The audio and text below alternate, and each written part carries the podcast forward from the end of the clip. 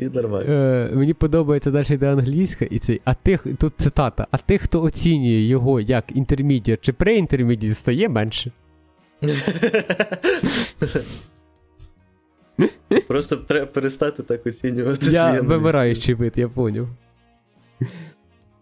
А, Коротше, англійська росте на 1% більше, ніж в попередньому. Так у нас по закону англійська має рости. Ти не знаєш, до 2027 року вже маємо бути. Е, Знаєш, ого-го. це я, я в такі моменти е, виходжу, кажу, давайте просто приймемо закон, що мінімальна зарплата 10 штук баксів. Ну, типу, sorry, але я вважаю, що всі такі речі це має бути наслідком. Ну, типа, піднімання мінімальної зарплати має бути наслідком, а не причиною. Ну, типу, якби е, такою формальністю, а ну, закон це є формальність, по факту, да? це, типу, ну, це як, типу, як мова. Ми як її описали, така вона і буде. Ну, типу, ніяких питань, ну, проблем в цьому нема. Ну, так пить, мінімальна зарплата 10 штук баксів. Ну, типу, що це за, за, за приколи? Як я зрозумів, тобі не подобається ідея з е, мовним законом. Е, я не поняв е, на хіба. Я єдину причину, яку я для себе знайшов, що е, через те, що в Україні дуже якісний дубляж, е, це робить е, українське кіно вне конкуренції. Тому що ти не можеш змагатися з дуже якісним дубляжем. Е, це Я не впевнений, що неможливо з, з дуже якісним дубляжем змагатися, вр- вр- враховуючи, що все ж. Ну, типу, якісне кіно можна знімати і в Україні. Для цього насправді великої кількості грошей е, не, не потрібно, особливо в теперішній е, атмосфері, коли до нас в більшості е, доходять фільми виключно високобюджетні, які беруть в першу чергу зірками і цими спецефектами і тому подібне. Ну, тобто мається на увазі там така Марвел жвачка і е, фільми е, великих акторів, аля е, та, та ж Барбі, яка зараз буде. Ну і е, деколи щось аля от Нолана, е, типу Опенгеймер. Але якщо подивитися на кіноіндустрію в цілому, е, то про- просто я ще зараз часто чую там фрази про те, що зараз нормального, нормальних фільмів взагалі ніколи не виходить. Е, вони і- насправді і, трава не така зелена, це понятно. Вони виходять, тобто фільми, які е, там люблять порівняти з там 90-ми, 80-ми, початком 2000-х, такі фільми все ще виходять. Просто вони набагато менш е, бюджетні, вони збирають набагато меншу касу, і вони до нас зазвичай тупо не доходять. Е, але якраз в локальному прокаті збирають цілком, цілком нормально. Е, і, типу, французька кіноіндустрія в цілому на цьому живе нормально. Е, Німецька кіноіндустрія в цілому живе на цьому нормально. Е, та таких прикладів насправді по світу дуже багато. І чому ми не можемо змагатися теж в е, цій сфері, я не знаю. Тобто знімати низькобюджетні фільми, ну не в тому плані низькобюджетні, як погані, а в тому плані, що це все ж в першу чергу е, фільм, який буде брати сценарієм, добре написаними діалогами, цікавою історією, е, але про якісь звичайні буденні речі. В цілому, е, ну, я розумію, що про е, Савок обично або погано, або ніяк, але е, деякі е, моменти кіноіндустрії, які були там, все ж були непогані. І непогані вони якраз в першу чергу були в тому, що фокус виставлявся на. Як би це назвати правильно? Е, постановці фі- фільма такого, який бере е, в першу чергу е, історію і діалогами, і не е, спирається ніяк на високу якість там е, зйомки е, і е, спецефектів. Того ж Тарковського, наприклад, до сих пір е, е, на Заході в цілому дуже люблять за його е, режисурну роботу, яка теж не була зазвичай дорогою для того, щоб її створити. Да, ми можемо привести більш лайтовий приклад, за який не закенселять, фільми Джекі Чана. Ну, фі- фільми Джекі Чан тут ще треба Джекі Чана, але так, да, в цілому, так. Да. Ну, Тобто, він став Джекі Чаном на цих фільмах. Він же ж, типу, ну не був Джекі Чаном, а потім такі фільми буду знімати. Е, ні, ну так, я просто про те, що типа, е, Джекі Чан це все ж трохи е, унікальна е, в цьому плані людина як актор, тому що, ну, по-перше, він там е, все в одному. Е, да, да, режисер, да, чоловік оркестр, сценарист, да. А по-друге, типу, в першу чергу він якраз е, брав завжди е, тим, що він дуже харизматичний, і друге, те, що він. Всі оці свої трюки виконував сам, планував їх досить круто, вони там були неймовірні. А коли ну, ти сам виконуєш, ти все хорошо плануєш. Да. От, Але тим не менше, типу, мало хто готовий таке робити, тому що е, це да. теж знущання свої, над своїм організмом, наприклад. І переломів там у Джекі Чана було просто вище криші. Да, тут, е, коротше, який мій е, топік, якби, що м, ти просто згадував якраз на німецький кінотограф, французький кінотограф, і там це це якраз ринки, де херовий дубляж. Ну, я не знаю mm. за за, за французький. Е, і, типа, не впевнений на рахунок німецького взагалі, до речі, тому що ну, я наскільки знаю, дубляж взагалі мене, існує в Німеччині. У мене є знайомі з Голландії, деколи є дубляж, і це, типа, люта трешечина. Тобто це все, типу, аля, як от фільми, які ми з тобою дивились піратські, все вот таким голосом, тому що по-другому розговорити не можу. Ну тобто не буде такого, що для кожного персонажа, який мелькає в сцені там за весь фільм на 3 хвилини, окремий актор дубляжу подивись фільм, ну, типу, любий, типа, фільм там там 3А фільм е, від, е, ну, типу, з українським дубляжем. Любий персонаж, який мелькає за весь фільм на 2-3 хвилини, в нього окремий актор дубляжу, або це той самий актор, але він міняє голос. Типу, такого не буде. Максимум, що в тебе буде, це кілька головних героїв своїми, типу, своїми голосами, а всі другі отаким от голосом. Ну, тут, е, типу, з Нідерландами е, е, ситуація окрема, тому що е, якраз я думаю, що на них дивилися, е, коли вирішували робити такий закон у нас. Тому що в Нідерландах, наскільки я пам'ятаю, взагалі не, не прийнято роби, робити зазвичай дубляж. Тобто це щось за зряда вон виходяще. Тобто там зазвичай все йде з субтитрами, і да, да. люди до цього звикли. Ну, Рівень та... англійський в Нідерландах просто сумасшедший, насправді. Да, Ти будеш але... ти по вулиці, і там 50-літня, 60-літня дідушка, бабушка коли ти спитаєш на англійську, як кудись перейти, вони тобі скажуть. Ну, типу, що не знають, куди пройти. Так, але проблема в тому, що е, типу, ча- часто е, є думка, що е, рівень англійської настільки високий е, через те, що е, люди все дивляться з субтитрами. Е, і слухають вічно англійську. Ні. Але я я не впевнений, що це логічно, ну, що можна просто привести отаку. Рівень англійської високий там, де хороша освіта теж не не можу погодитись. Е, ну що, в Штатах що... хорошого освіти, стільки там людей англійською говорять. Так в Штатах якраз е, шкільна освіта дуже погана. Ну, Це це була якраз шутка основна на цьому. Ну, я просто про те, що і все одно знають англійську багато. Хто так що бачить, не працює робить.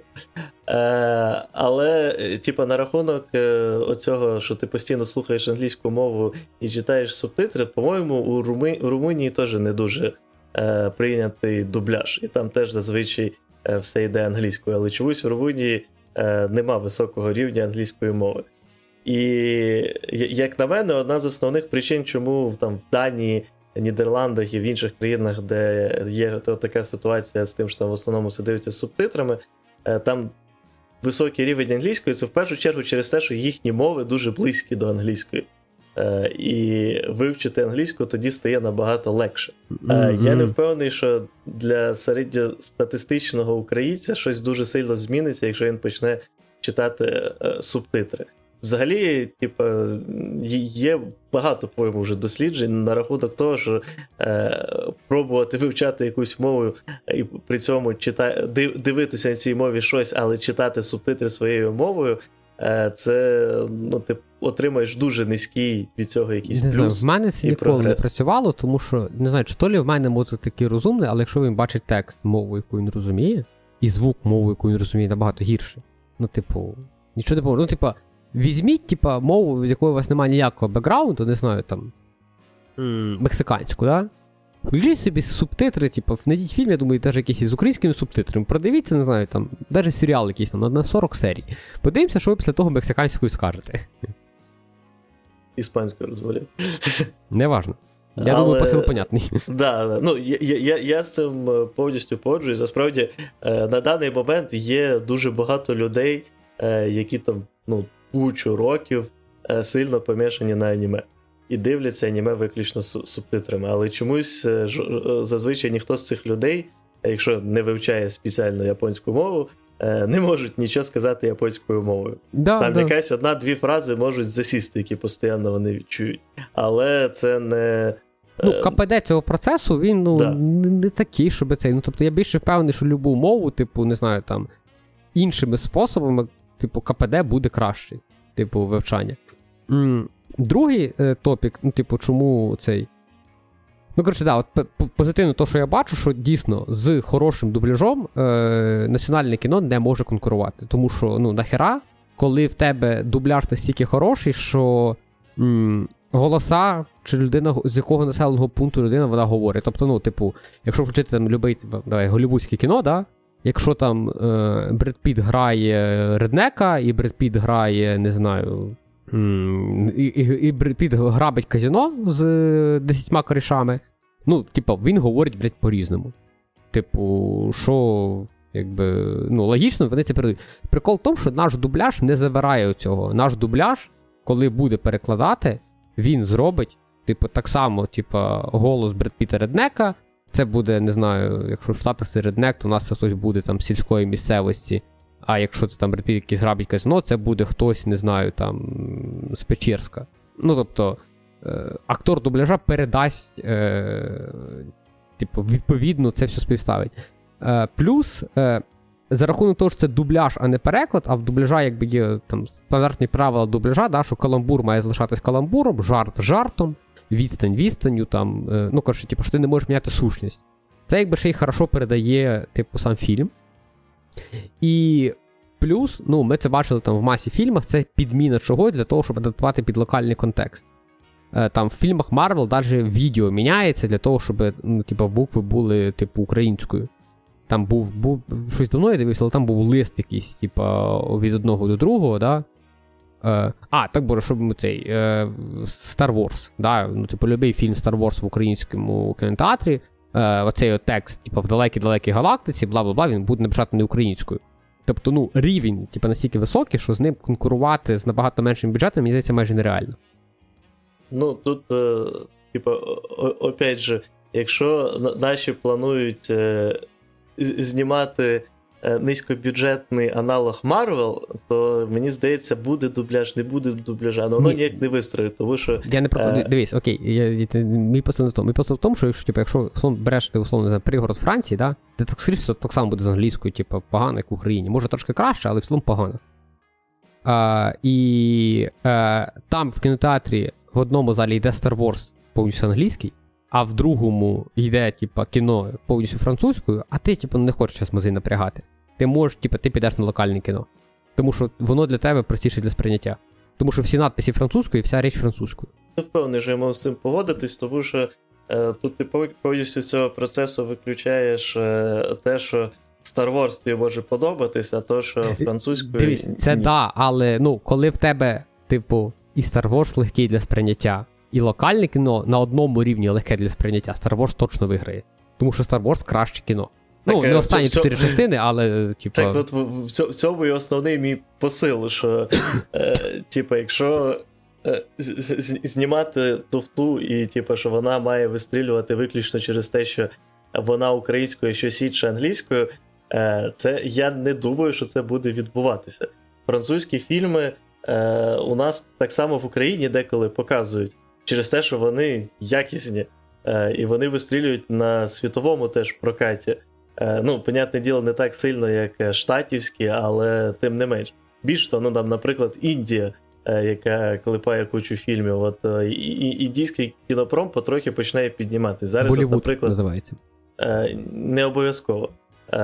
В а. Індії насправді є п'ять різних а, е, да? великих, да, великих не, не говорячи про маленькі, е, типу ці, як, е, як би це правильно назвати, не компанії, а місцевості для е, е, розробки фільмів. Mm. І от Болівуд це одна з них, вона одна з найбільших, але вона лише одна з п'яти.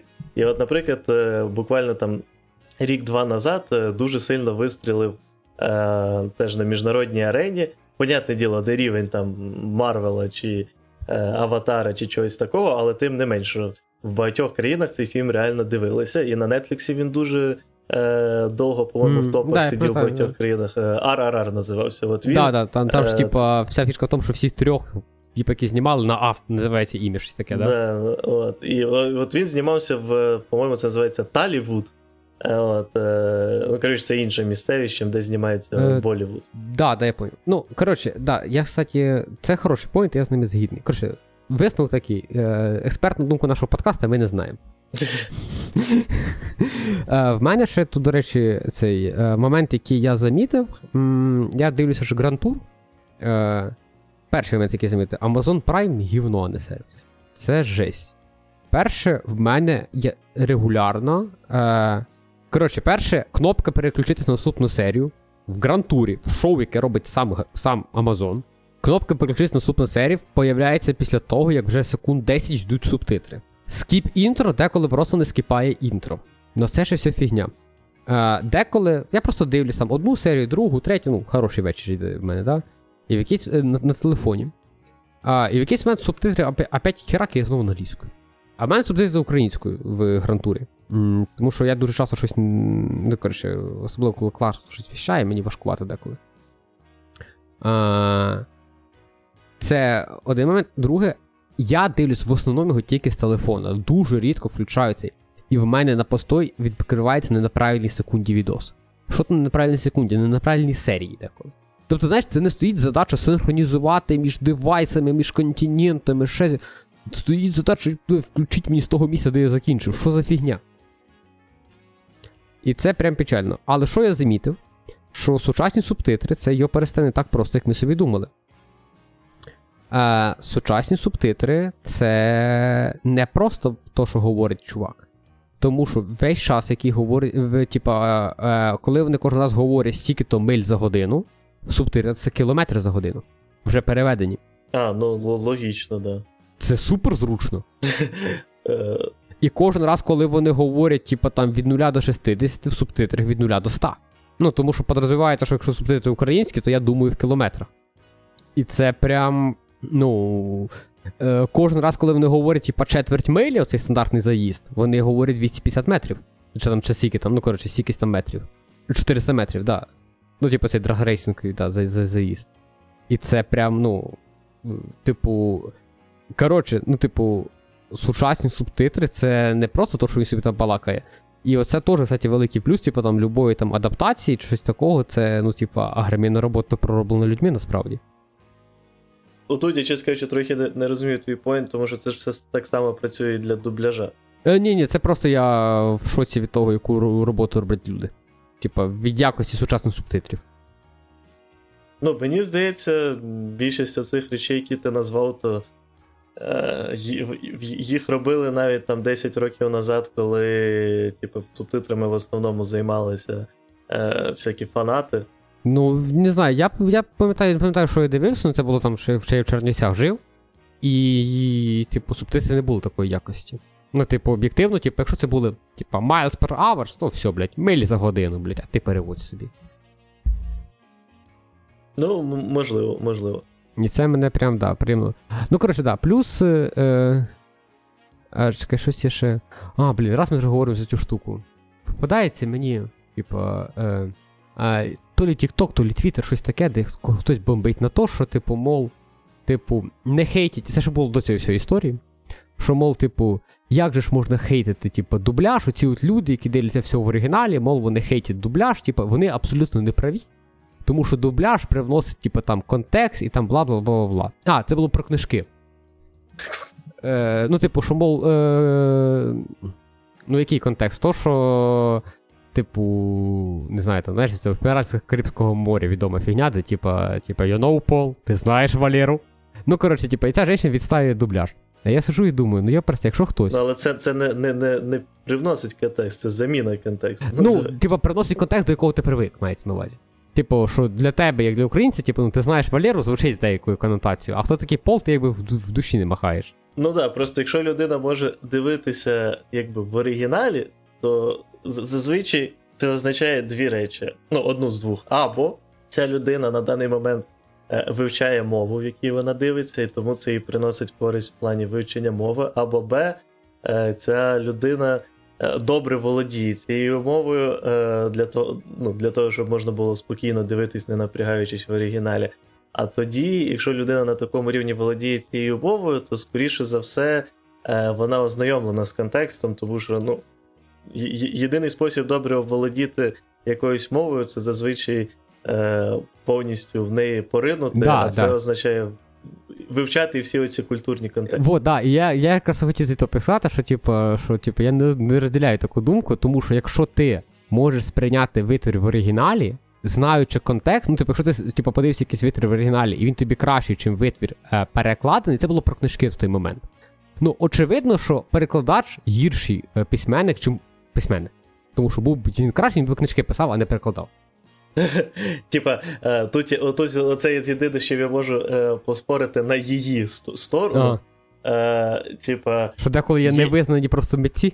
Ні, ні, ні, проблема та не в цьому. Ну, дивись, е, будь-який письменник, якщо ми говоримо, наприклад, за художню літературу, да, те, те, що він пише, буде складатися з деяких пунктів. Перше, це, звичайно, сам сюжет, який він придумає. Тобто mm-hmm. письменник може бути е, дуже крутий в плані придумування там крутого сюжету з крутими поворотами і тому подібне. Друге, це е, те, як письменник вміє е, прописувати персонажів, те, як вони розмовляють, чи ти можеш в них повірити чи ні, чи вони надоїдливі чи ні, і тому подібне. Письменник може бути, наприклад, хріновий в першому пункті, але дуже крутий в другому пункті, і типу, все одно від цього круто продаватись, тому що люди люблять влюблятися в ну, влюблятися не в тому плані, що Е, романтично влюблятися, просто типу, любити певних персонажів, е, тому що вони класно прописані, у них там крутий характер і тому подібне. От. Якщо у тебе є і у письменника і перше, і друге, це, звісно, шибісно, але часто буває, що щось більш круто розвинуте, щось менш круто розвинуте. Є третій пункт. Третій пункт це проза. Тобто, то, як люд... Е, ця людина пише, як вона вміє за красиво описати там якісь ці простори, в яких знаходяться ці персонажі.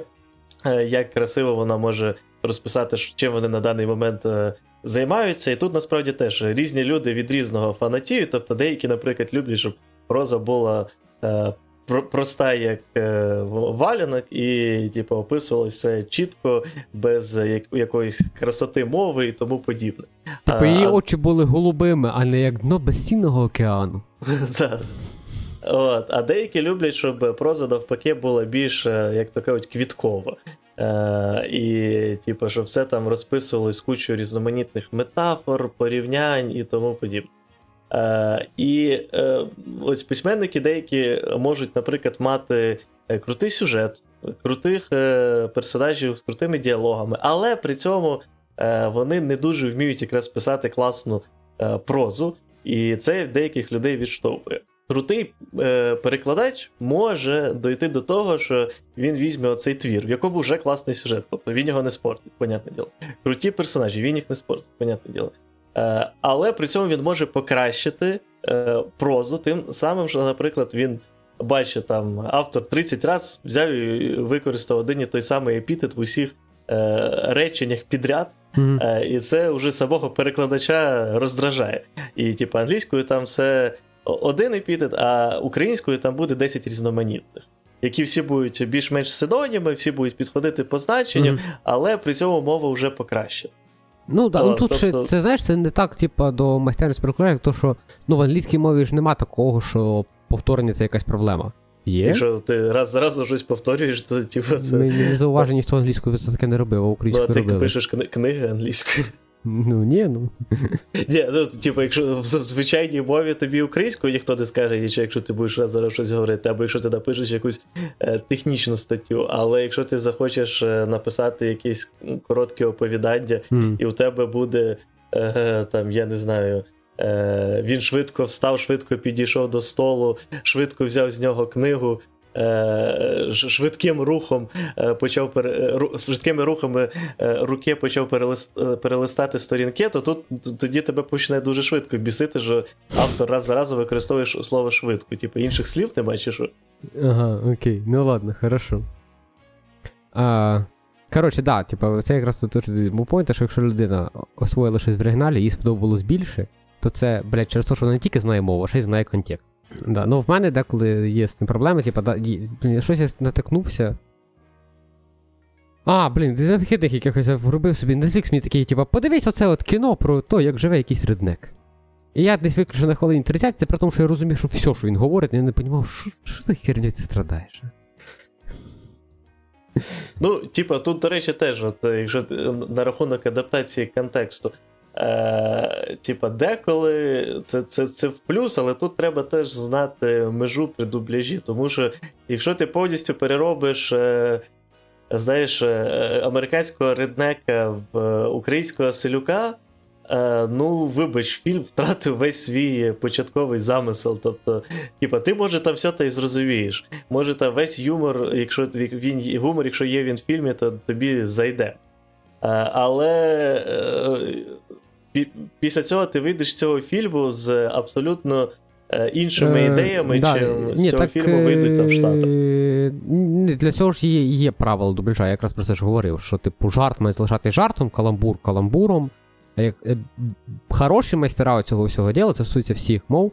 Якщо, наприклад, там жарт був зв'язаний з не знаю, там, порою року, то треба підбирати аналогічний жарт, зв'язаний з порою року. Ну, типу, там типу, є цілі правила, по яких це все типу, робиться. Для того, щоб якраз не було такого, що хтось, типу, зміст фільму поміняв. Ну да, але я просто, що тут все одно е, якби загальне запитання залишається. Тобто, хочеш ти, щоб е, цей реднек говорив більш як український селюк, і у тебе відповідно відразу йшла асоціація з українським селюком, хоча, можливо, між ними там нічого mm. е, спільного та й нема. Ну так, да, бо, да, бо так можна дойти, знаєш, до того, що типу, він їздить не на Форд 150, а на цей. Е, на на Ланосі. Давайте фільм перемалюємо, согласен. Ну, і до речі, це роблять. Е, тобто... Да, е... да, ну, але це роблять, типу, в великих фільмах. Типу, це ж, блін, по-моєму, головний монтажер Марвел казав, що типу, один фільм це, це приблизно 600 фільмів. Щоб там, там підмачити все... під всі регуляції, поміняти всюди колір крові на правильний, да. вирізати для літаків, вирізати для кораблів, вирізати для самольотів. Ну, коротше, це все. В Марвел просто це зазвичай да, регуляції і плюс е, пасхалки. Да. Е, Тобто, там, наприклад, е, я не пам'ятаю, в там, здається, в, в другій частині Капітана Америка, той, що зимній солдат, чи як він там називався, е, то там він ж уже просинається в нашому часі, і там є момент, де він на початку там розмовляє з тим чуваком, який в майбутньому стане соколом. Чи, Ні, не соколом, я забув, як він називається. Цей що з крилами, які е, механізовані. Ось, то він з ним е, з ним спочатку на початку фільму розмовляє, і типу, той, той йому згадує, я не пам'ятаю, по-моєму, в англійській версії він там з The Beatles щось казав. Е, і потім капітан відкриває свій блокнотик, щоб записати, типу, послухати Бітлз, бо він робив список, типу, що mm-hmm. він пропустив. От, І там в англійській е, версії там були, наприклад, там зоряні війни записані, ну, прям видно в блокнотику. Mm-hmm. Е, І ще там куча всяких різноманітних ще, я вже не пам'ятаю, що. Ось, а, І в кожній країні оця частина була адаптована. Тобто, да, там, да, я пам'ятаю це. У, да, у Франції щось своє, в Україні щось там наше своє і, і тому подібне. Це, це, Це більше як пасхалка. А про що я говорив на рахунок того, що це роблять повні адаптації, то е, там у багатьох популярних серіалів, особливо е, і у фільмів деяких, е, можна зустріти те, що їх по-новому знімали в інших е, країнах. Тобто, наприклад, той же ж е, Breaking Bad. Е, серіал, який дуже популярний, то у Ні, нього це там... ти говориш, коли перепродають права. Ну, типу, це зовсім да, друга да, історія. Да, це як Україна має талант і Америка Got Talent. Да, да. Оце тоді вже повноцінна адаптація, де зміня... змінюється і. Ну, це мені суть. здається, має лишитись, тому що ну, якщо ви, типа, якась студія, яка хоче для якогось ринку переробити щось, ну це тупо забороняє. Ні, ні, це це я більше просто вкинув на рахунок mm. того, що адаптація контек... контексту і. Ух, типа... Так, ладно, Вов. В мене тренірування, так що. А, блін, точно. Да, е, Треба буде частіше почати збиратися, тому що це прям понесло. Коротше, це буде у нас, е, напевно, два випуски про роботу. Так, да, про роботу і про фільми. Да, я так і поріжу їх. Зашибіть буде. Окей. Окей, добре. Е, Всім дякую, хто нас слухав. Зайдіть на наш Patreon. Е, Прослухайте все разом, не будете нічого чекати. Я десь завтра це все змонтую. Е, Всім пока.